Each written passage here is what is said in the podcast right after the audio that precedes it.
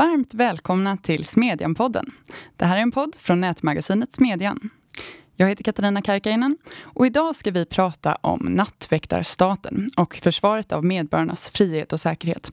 Det som många betraktar som statens allra mest grundläggande uppgifter. Det finns ju stor anledning att prata om det här idag. Utvecklingen i landet vad gäller kriminalitet och otrygghet gör så att säga gällande att det här är frågor som bör prioriteras framför andra. Människor upplever det också som att det här är någonting som politiken och andra sfärer nära politiken bör ägna mer tid och engagemang. Och det här ämnet och hur vi säkerställer försvaret av medborgarnas frihet i en tid när kriminalitet och otrygghet har blivit vardag på många håll i Sverige är också ett ämne som vi har ägnat och kommer att ägna en del tecken åt på Smedjan. Bland annat så publicerades tidigare i veckan essän Kriminaliteten tar över i nattvandrarstaten av Alexandra Ivanov som en del i vår sommarserie om hur vi kan gå från den stora staten till det starka samhället. Och idag, för att prata om det här, så har vi också med oss Alexandra Ivanov, talskrivare hos Moderaterna, tidigare bland annat ordförande för Fria Moderata Studentförbundet och författare av Sagda essä. Välkommen hit! Tack så mycket! Vi har också med oss Per Gudmundsson, presschef hos Kristdemokraterna och tidigare bland annat ledarskribent på Svenska Dagbladet. Välkommen! Tack så mycket! Och som alltid har jag med mig Sven Dahl, chefredaktör här på Smedjan. Hur står det till? Det är bra och väldigt roligt att Alexandra och Per kan vara med. Det tycker jag också. Och vi måste nästan börja i begreppsapparaten. Begreppet nattväktarstat lär ha myntats av socialisten Ferdinand Lassalle i ett tal 1862 i Berlin. Då försökte han förlöjliga dåtidens liberaler och deras önskan om en begränsad stat. I nattväktarstaten så har staten som uppgift att garantera medborgarnas säkerhet och inte mycket mer. Försvaret, polisen och det övriga rättsväsendet ligger i statsmaktens händer medan medborgarna själva sköter det övriga samhället. Begreppet fastnade, framförallt hos klassiska liberaler och har idag också blivit ett sätt att helt enkelt beskriva statens hårda kärna, de här mest grundläggande uppgifterna. Och som en lek med det här så myntades begreppet nattvandrarstat av dig Per på Svenska Dagbladet för ett par år sedan, 2014 tror jag att det var. Vad är nattvandrarstaten? Nattvandrarstaten var ett fenomen som jag tyckte mig skönja då, eh, 2014. Där hela förhållandet är inverterat. Där samhället, eller staten så att säga, styr över varenda detalj i människans liv. Allt från barnpassning till eh, uteserveringars storlek eller eh, vad man konsumerar. Men inte just det som är kärnuppgiften, det vill säga eh, säkerheten och tryggheten och Eh, värnet av friheterna. Och det var så det kanske man inte kommer ihåg då, men 2014 då hade det precis varit en stor brand i Västmanland. En, en, en, hel landsända var totalt förödd.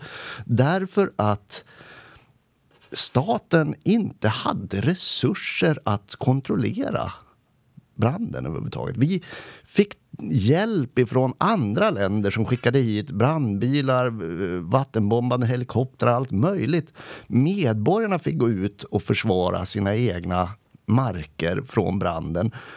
Därför att det grundläggande skyddet, det kunde staten inte leverera. Och det såg likadant ut på andra områden, tänkte jag. När folk ringer till polisen eh, så kan polisen inte komma. I själva verket så fanns det rapporter i tidningarna på den tiden om att, att eh, någon polis hade sagt nej vi kan inget göra, vänd dig till det lokala medborgargardet. Vanliga människor uppmuntras att gå med i olika nattvandrarorganisationer, eh, liksom trygghet på morsor på stan och allt vad det heter. Eh, och, och, jag hade också noterat att, att så fort det var ett försvinnande så var det Missing People, en stor frivilligorganisation som kunde eh, få, fa, få fram mankraft att leta rätt på försvunna människor. Medan eh, rättsväsendet, eller polismakten, stod helt handfallet. Alltså. Mm. Eh, och det där fascinerade mig lite. Jag tänkte, staten klarar av allt, men inte kärnuppgiften. Och då kallade jag det för nattvandrarstaten. Det fanns ju en aspekt på det här som jag tycker är intressant att ta fasta på också, nämligen att det närmaste debatten fanns en misstänksamhet gentemot eh, vad vi kan kalla statens kärna. Den andra delen av nattvandrarstaten var närmast att man betraktade, att, betraktade statens kärna som något lite småsuspekt, som en kvarleva från ja, en tid då utvecklingen inte hade, utvecklingen inte hade kommit så långt. Att varför skulle vi intressera oss för försvar och mm. polis här här i Sverige? Att den inställningen var ja, utbredd, närmast som att man skulle frukta statens tvångsmedel mer än de hot den är, de är satta att skydda oss från. Det här begreppet har ju helt klart fått vingar, får man lov att säga. Eh, kanske helt enkelt därför att det behövts för att beskriva någonting som många också känner igen sig i. Och även du återkommer till det i din essä, Alexandra. Vad är det för tes som du driver i den? Det handlar om prioriteringar. Exakt. Eh, och anledningen att eh, varför jag använde det här uttrycket och lånade det från Per det var just för att beskriva den här staten som gör allting förutom det den ska göra. Eh, och eh, idag ser vi ju väldigt tydliga konsekvenser av de här felprioriteringarna. Vi ser utsatta områden i Sverige där polisen bedömer att de delvis har tappat kontrollen över nätverken, de kriminella nätverken. Vi ser handlare, vi ser vanliga människor som blir utsatta för grov kriminalitet i sin vardag.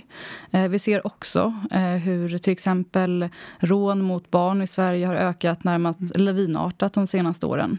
Eh, och Eh, det vi också har sett är att staten inte har förmått att rå sig på detta eh, och har inte klarat att eh, återta, eller snarare behålla, fullt ut sitt våldsmonopol. Mm. Anmälda rån mot barn har mer än fördubblats de senaste fyra åren. Antalet ja, men, granatattacker, ett ord som man för ett tag sedan var ovan vid att använda, och bomber saknar internationellt motstycke och skjutningarna har i år ökat med 9% jämfört med samma period förra året. Vad kan ni säga mer om den här utvecklingen? Finns det någonting som ni tycker är särskilt värt att lyfta fram? Eh, det jag tror är väldigt viktigt med den här utvecklingen det är att inse och förstå att den faktiskt händer. Eh, nu idag i Sverige så ja, är väl de flesta medvetna om det. I vart fall för att man har människor i sin närhet eh, som har utsatts för kriminalitet. Men jag tror att det var just självbilden av Sverige som ett väldigt tryggt land som väldigt länge möjliggjorde den här nedmonteringen. Mm. Inte minst av det såklart militära försvaret men också av polisen. Så att jag tror att insikten om detta och ta till sig av det det är någonting som jag försöker lägga ganska mycket tid på. Att mm. Eh, få folk att förstå. Nu kommer det här naturligtvis att bli lite löjligt då, därför att jag är eh, politruk i Kristdemokraterna och Alexandra är politruk i Moderaterna och vi kommer naturligtvis alltid att säga att vi vill vi tror att de politiska reformer som våra partier har är, är, är, är saliggörande.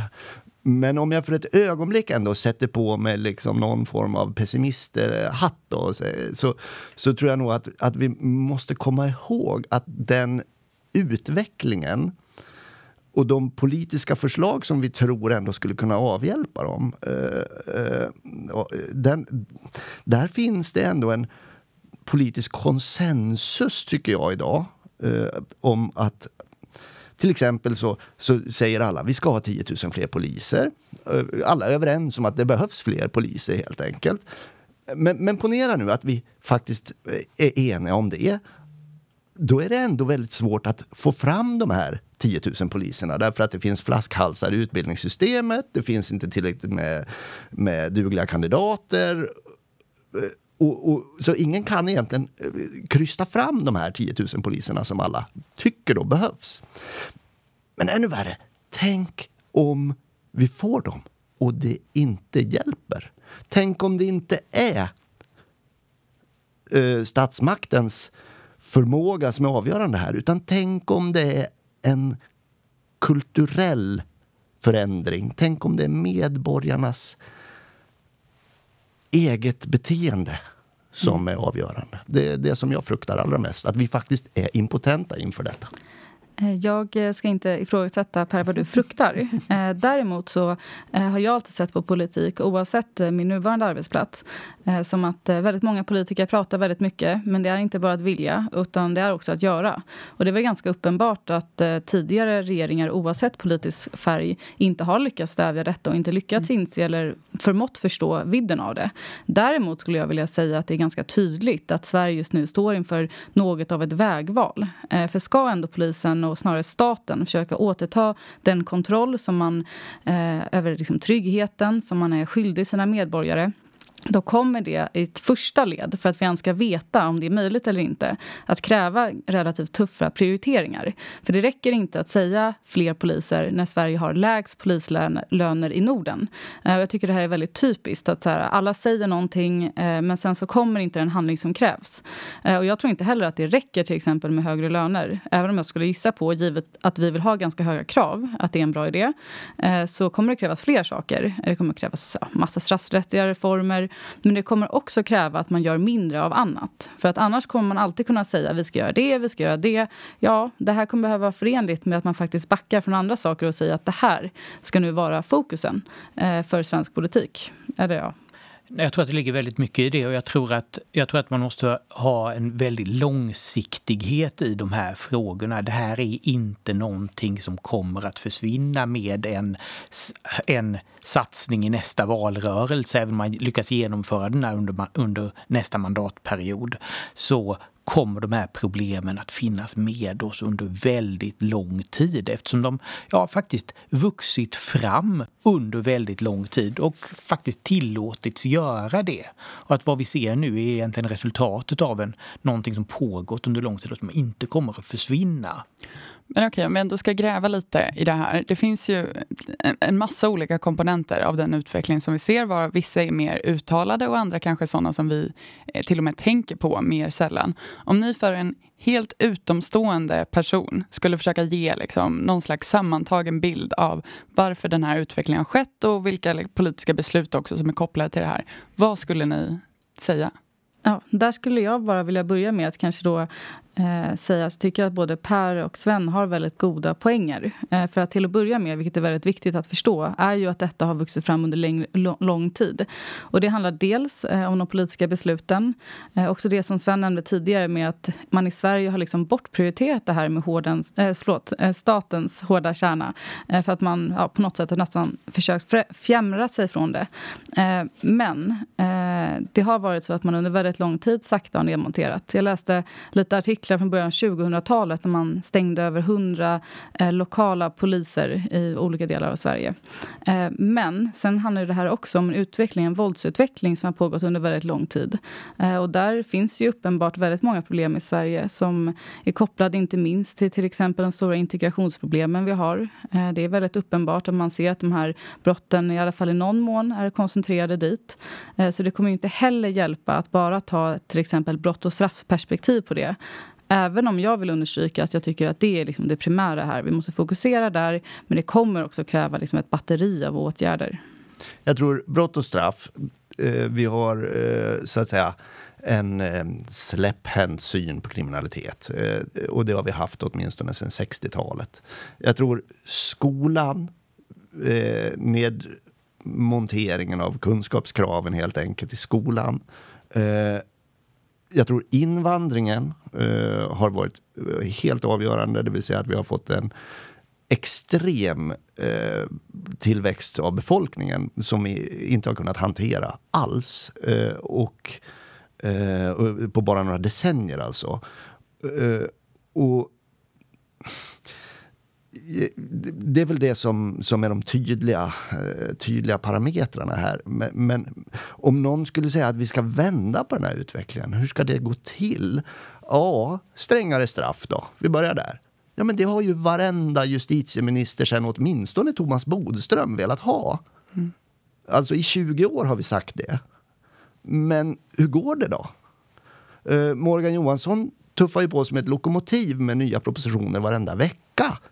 Uh, och all heder till honom för detta. Uh, han ska inte bara bli känd för att han dejtar Annika Strandhäll, tycker jag.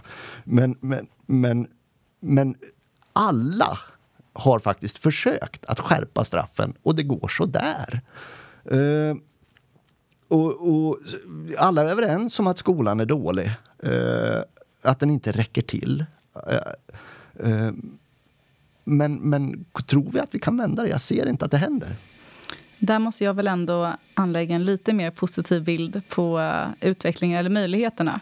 Eh, så här var det också när jag vikarierade på SvD under ett år eh, och fick lite vägledning av Per. Jag var positiv och du lite mer negativ kanske.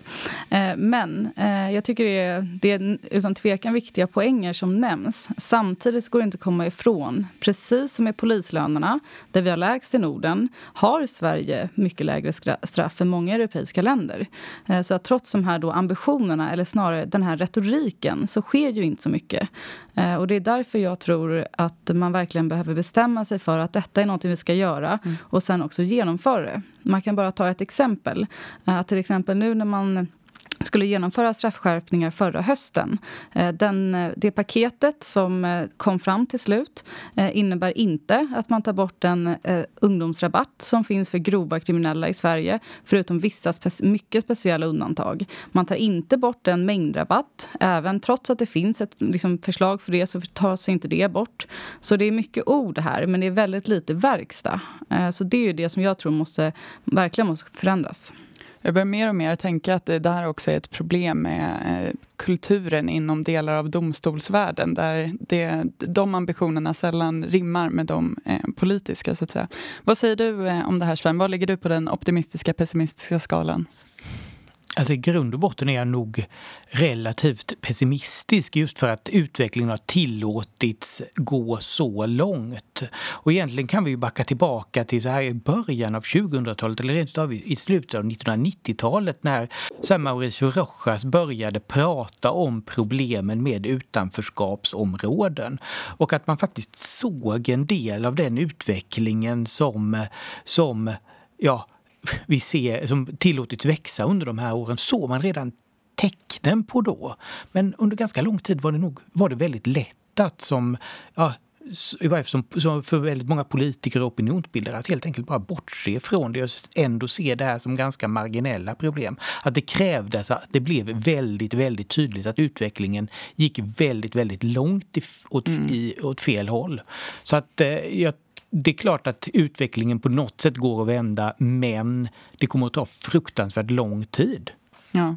Vi hade ju länge kvar den här självbilden av att problemen inte var särskilt stora. Sverige har aldrig varit tryggare. Eh, Sådana bevingade ord som de senaste åren har yttrats av fler än en person i offentligheten. Trots att utvecklingen borde ha varit tydlig även för fem, eller tio eller femton år sedan. Var det här en politisk illusion eller fanns den i andra samhällssfärer också, rent av hos medborgarna? Och vad, vad säger det i så fall om, om oss, oss som i Sverige inom kollektiv bemärkelse? Jag tror ju att det har varit väldigt lätt att att, eh, ja, så här, som svensk medelklass att kunna undgå och se, det här, se den här utvecklingen. Jag vill nog särskilt peka på en händelse där jag i varje fall så i, i min omgivning verkligen såg hur folk upptäckte det här. Det här är på riktigt. Ehm, det var våren 2019 då det var en våg av rån mot barn i, i Hägersten söder om, om Stockholm. Det är väl ett, en plats där väldigt många röstar till, på Miljöpartiet. Um, och på, även Vänsterpartiet har nog haft sina starkaste fästen där och inkomsterna är väldigt höga.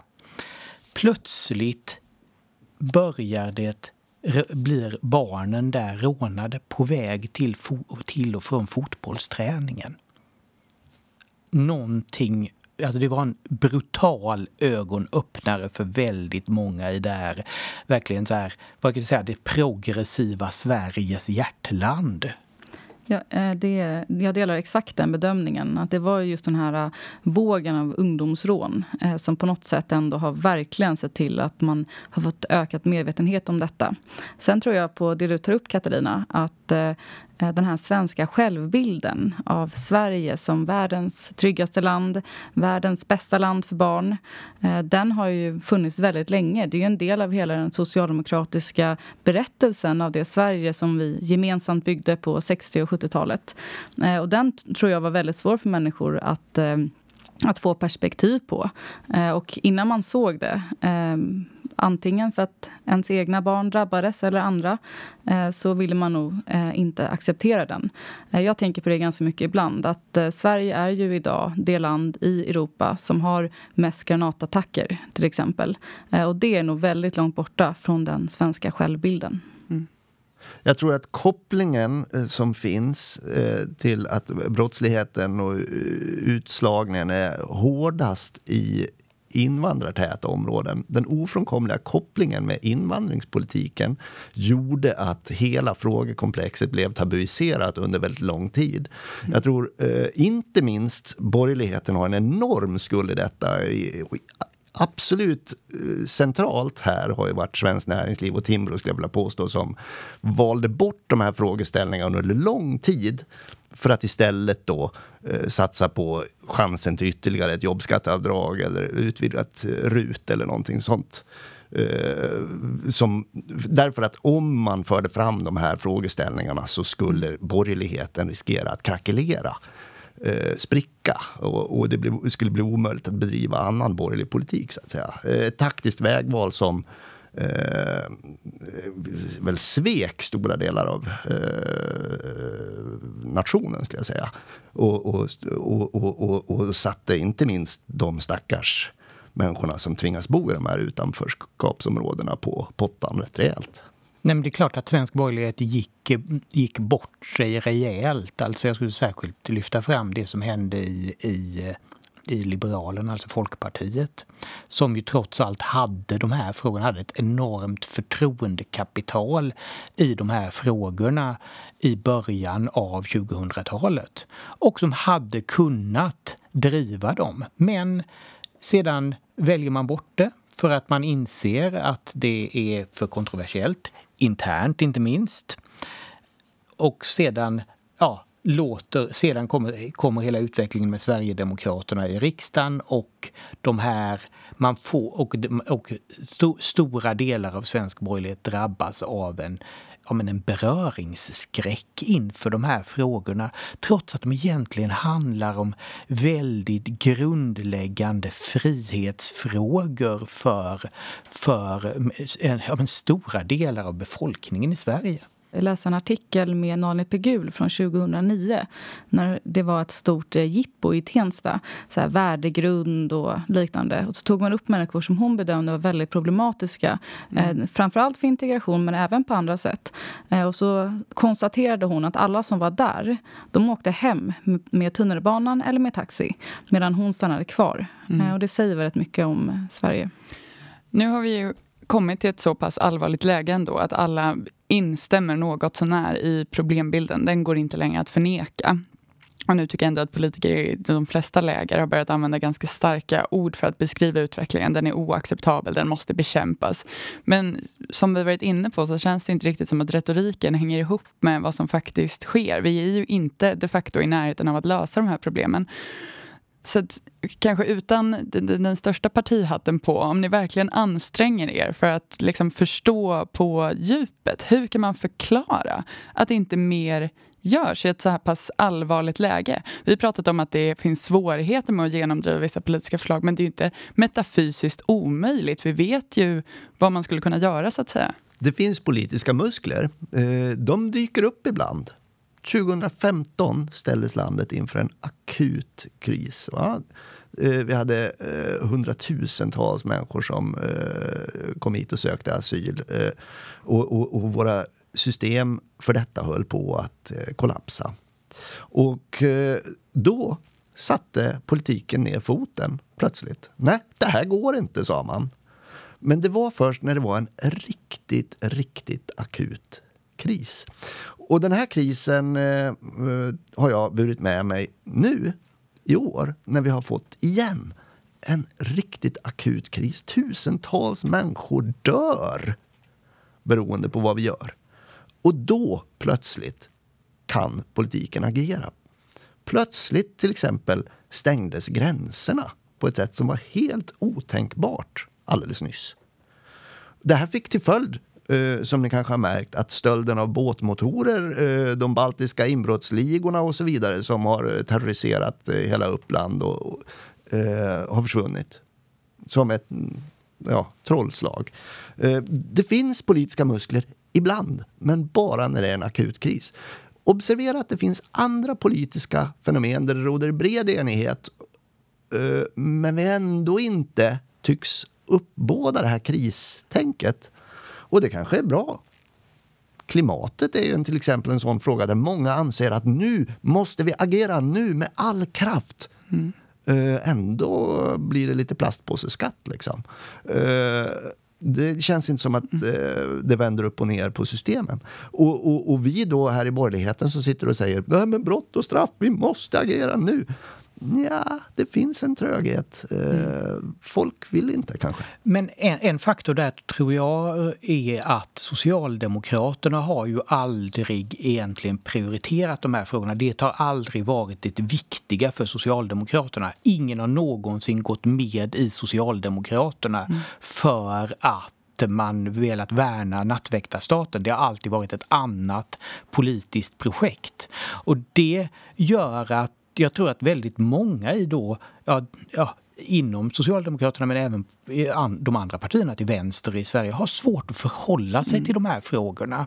Tänkte inte minst på det här när Stefan Löfven gjorde sin märkliga intervju om gängkriminalitet i, i höstas, om hur svårt han hade att hitta orden kring de, här, kring de här frågorna. Och jag började tänka på, men handlar det inte bara om att han är fostrad i en politisk tradition där det mm. alltid funnits andra frågor som varit viktigare? Det har alltid funnits en välfärdssatsning, alltid funnits ett hot mot arbetsrätten eller vad det nu är som, mm. som varit högst på den socialdemokratiska agendan. Det här har varit, det här har varit ja, någonting som ja, det har inte varit pro problem på riktigt för stora delar av, av det svenska politiska etablissemanget. Socialdemokratins löfte har ju hela tiden varit att välfärden kommer att lösa de här problemen. Mm. Det är ju inte så att man har eh, kanske prioriterat ner brott och straff eh, eh, för att man tyckte att det var oviktigt, utan man har trott att om vi bara ger gratis skola, gratis boende och så vidare, simhallar, fritidsgårdar, så kommer de socioekonomiska faktorerna göra att befolkningen frigörs och blir lycklig och produktiv mm. och trygg. Och nu har det visat sig att så blev det inte. Uh, det visade sig att det socialdemokratiska löftet alltså uh, var falskt. Uh, och nu ställer vi oss frågan, jaha, vad ska vi göra då? Och jag tror inte att det är riktigt så enkelt. Jag tror naturligtvis på, precis som Alexander, en rad åtgärder. Vi har en katalog med brott och straffåtgärder, en katalog med skolåtgärder och så vidare och så vidare i vårt parti. Mm. Och allt det där måste göras och jag tror att det kommer att påverka till det bättre. Mm. Absolut. Men löser det problemen? Det är jag inte riktigt säker på. Eh, jag tror att eh, det vi är inne på nu är själva knäckfrågan. För att i slutet av dagen så handlar, eh, tror jag, när man ska göra stora politiska förändringar om handlingskraft, det handlar om prioriteringar och till detta kommer att man måste våga eh, slakta ett par heliga kor. Eh, det är väldigt uppenbart att när Socialdemokraterna pratar om dessa frågor fortfarande så pratar de och börjar alltid i vad de uppfattar är preventiva åtgärder. De börjar med fritidsgårdar och går sen till strängare straff. Jag tänker på det som du sa Sven, och det är ju särskilt intressant med socialdemokratin eftersom det också inte stämmer överens med, med berättelsen så att säga som Per var inne på. Men det gäller ju för, för de flesta partier och stora delar av liksom hela politiken i Sverige att det är eh, historiskt och fort, fortfarande få som har engagerat sig av den här anledningen. Det är så här, Anton Abel kanske som man kommer att tänka på eh, i alla partier. Men där är ju någonting som är eh, på väg att hända som är, liksom kommer av olycksaliga skäl men som ändå är spännande. Inte minst i Moderaterna och Kristdemokraterna så växer ju nu en politisk generation upp som har det här som en stor del av sitt politiska narrativ. Det här är en av anledningarna till att man valde att engagera sig. Nej men så är det ju absolut. Alltså, jag tror verkligen inte man ska underskatta de långsiktiga effekterna av, av av den här utvecklingen. För det här det knyter ju an till så grundläggande frågor om hur, ja men våra förutsättningar att leva de liv vi vill. Och någonstans där, det är ofta det som triggar igång politiska engagemang. Sen var det så här när, när, när man när jag, när jag blev intresserad av politik så handlade det om, om rätten att välja skola på 90-talet. Mm. Medan idag är det så här, den, ja, den grundläggande frihetsfrågorna har då, har då handlat om att jag möjligtvis kunna gå till skolan själv och inte bli skjutsad av sina föräldrar. Jag tror inte att eh, medborgarnas engagemang i de här frågorna primärt kanaliseras i politisk Nej. verksamhet utan tvärtom i att eh, skydda sig själv. Ungefär när jag hade 2014 skrivit den här artikeln, året efter, sålde jag och min dåvarande hustru vår villa i eh, ett område utanför Stockholm som heter Hässelby södra villastad som är ganska fint, men ja, det är för oss som inte riktigt har råd att bo i Bromma eller Lidingö. Då, men det är nästan eh, på, på, den bogen. Och mäklaren, han, sålde, han skrev i annonsen eh, eh arkitektritad villa med gated community-känsla. Mm. Det var inte något som jag hade föreslagit, alltså, utan det var vad mäklaren skrev in som argument för att sälja. Och jag vill mm. påstå att vi gjorde en väldigt god affär när vi sålde det här också, huset. Därför eh, att eh, det var man efterfrågat. uppenbarligen tänkte så. Och jag, jag, nu har jag själv precis köpt ny lägenhet. Och var har jag bosatt mig? Jo, jag har bosatt mig i innerstan naturligtvis, men inte var som helst i innerstan. Jag har bosatt mig långt från tunnelbanestationen där det, jag vet, förekommer stök inget systembolag i närheten där det finns eh, eh annan social liksom, eh, oro. Utan jag har försökt välja det sömnigaste, tråkigaste området i hela Stockholm. För att jag vet att där har, dit kommer inga människor som inte har där att göra. Jag har separerat mig själv. Mm. Och så här tror jag det fungerar på väldigt många platser. Att man väljer att dra sig tillbaka till sin egen lilla kontrollerade täppa och inte beblanda sig med andra. Jag tror att det Per är inne på nu är en av de stora knäckfrågorna. Och I synnerhet det du sa i början. Det vill säga att eh, medborgare löser detta på andra sätt än politiken. Eh, för varför dessa frågor är så pass allvarliga och varför de skadar ytterst någonting mer än bara människor, vilket såklart räcker i sig självt. Det är för att det skadar hela trovärdigheten och tilliten till det politiska systemet ytterst. Det skadar legitimiteten för samhället och det svenska samhällsbygget. Eh, och till slut så är det därför som politiken behöver inse att man måste ta tag i detta. Men eh, återigen då, för att eh, balansera eh, Alexandras eh, ivrighet här. Eh, tänk om de politiska lösningarna gör det sämre. Tänk om det kommer en Nyamko Sabuni här och säger men nu ska vi bussa skolbarnen från Tensta till din skola. Eh, och det här kanske blir jättebra eh, för något av de där barnen men det kanske också betyder att vi förstör en fullt fungerande skola.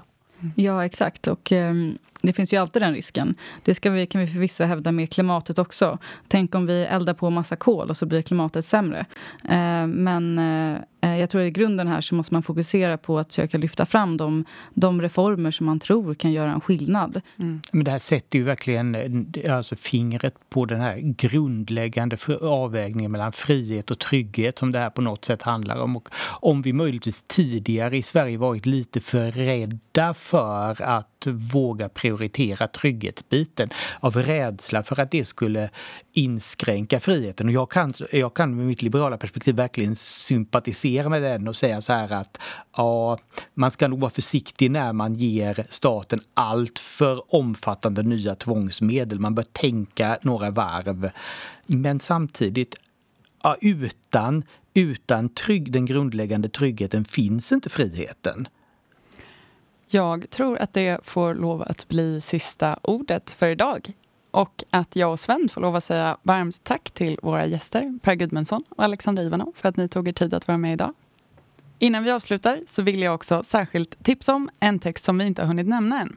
Det är Henrik Hall, borgerlig debattör och också politisk sakkunnig i rättsfrågor hos Kristdemokraterna, som har skrivit texten Familjen håller förorten i skräck, som handlar om en hårresande historia om en kriminell familj som styr i Angered i Göteborg och beskriver en problembild med parallella samhällsstrukturer i utsatta områden som kommer att bli svår att komma till rätta med. Även Alexandras text som vi har pratat om idag finns att läsa på Smedjan. Den heter Kriminaliteten tar över i nattvandrarstaten. Och från den kan man också orientera sig vidare till de andra delarna i vår sommarserie om hur vi går från den stora staten till det starka samhället. Allt detta och mer hittar ni på timbro.se smedjan. Vi ses där och hörs igen här om en vecka. Hej då! Hej då! Hej då!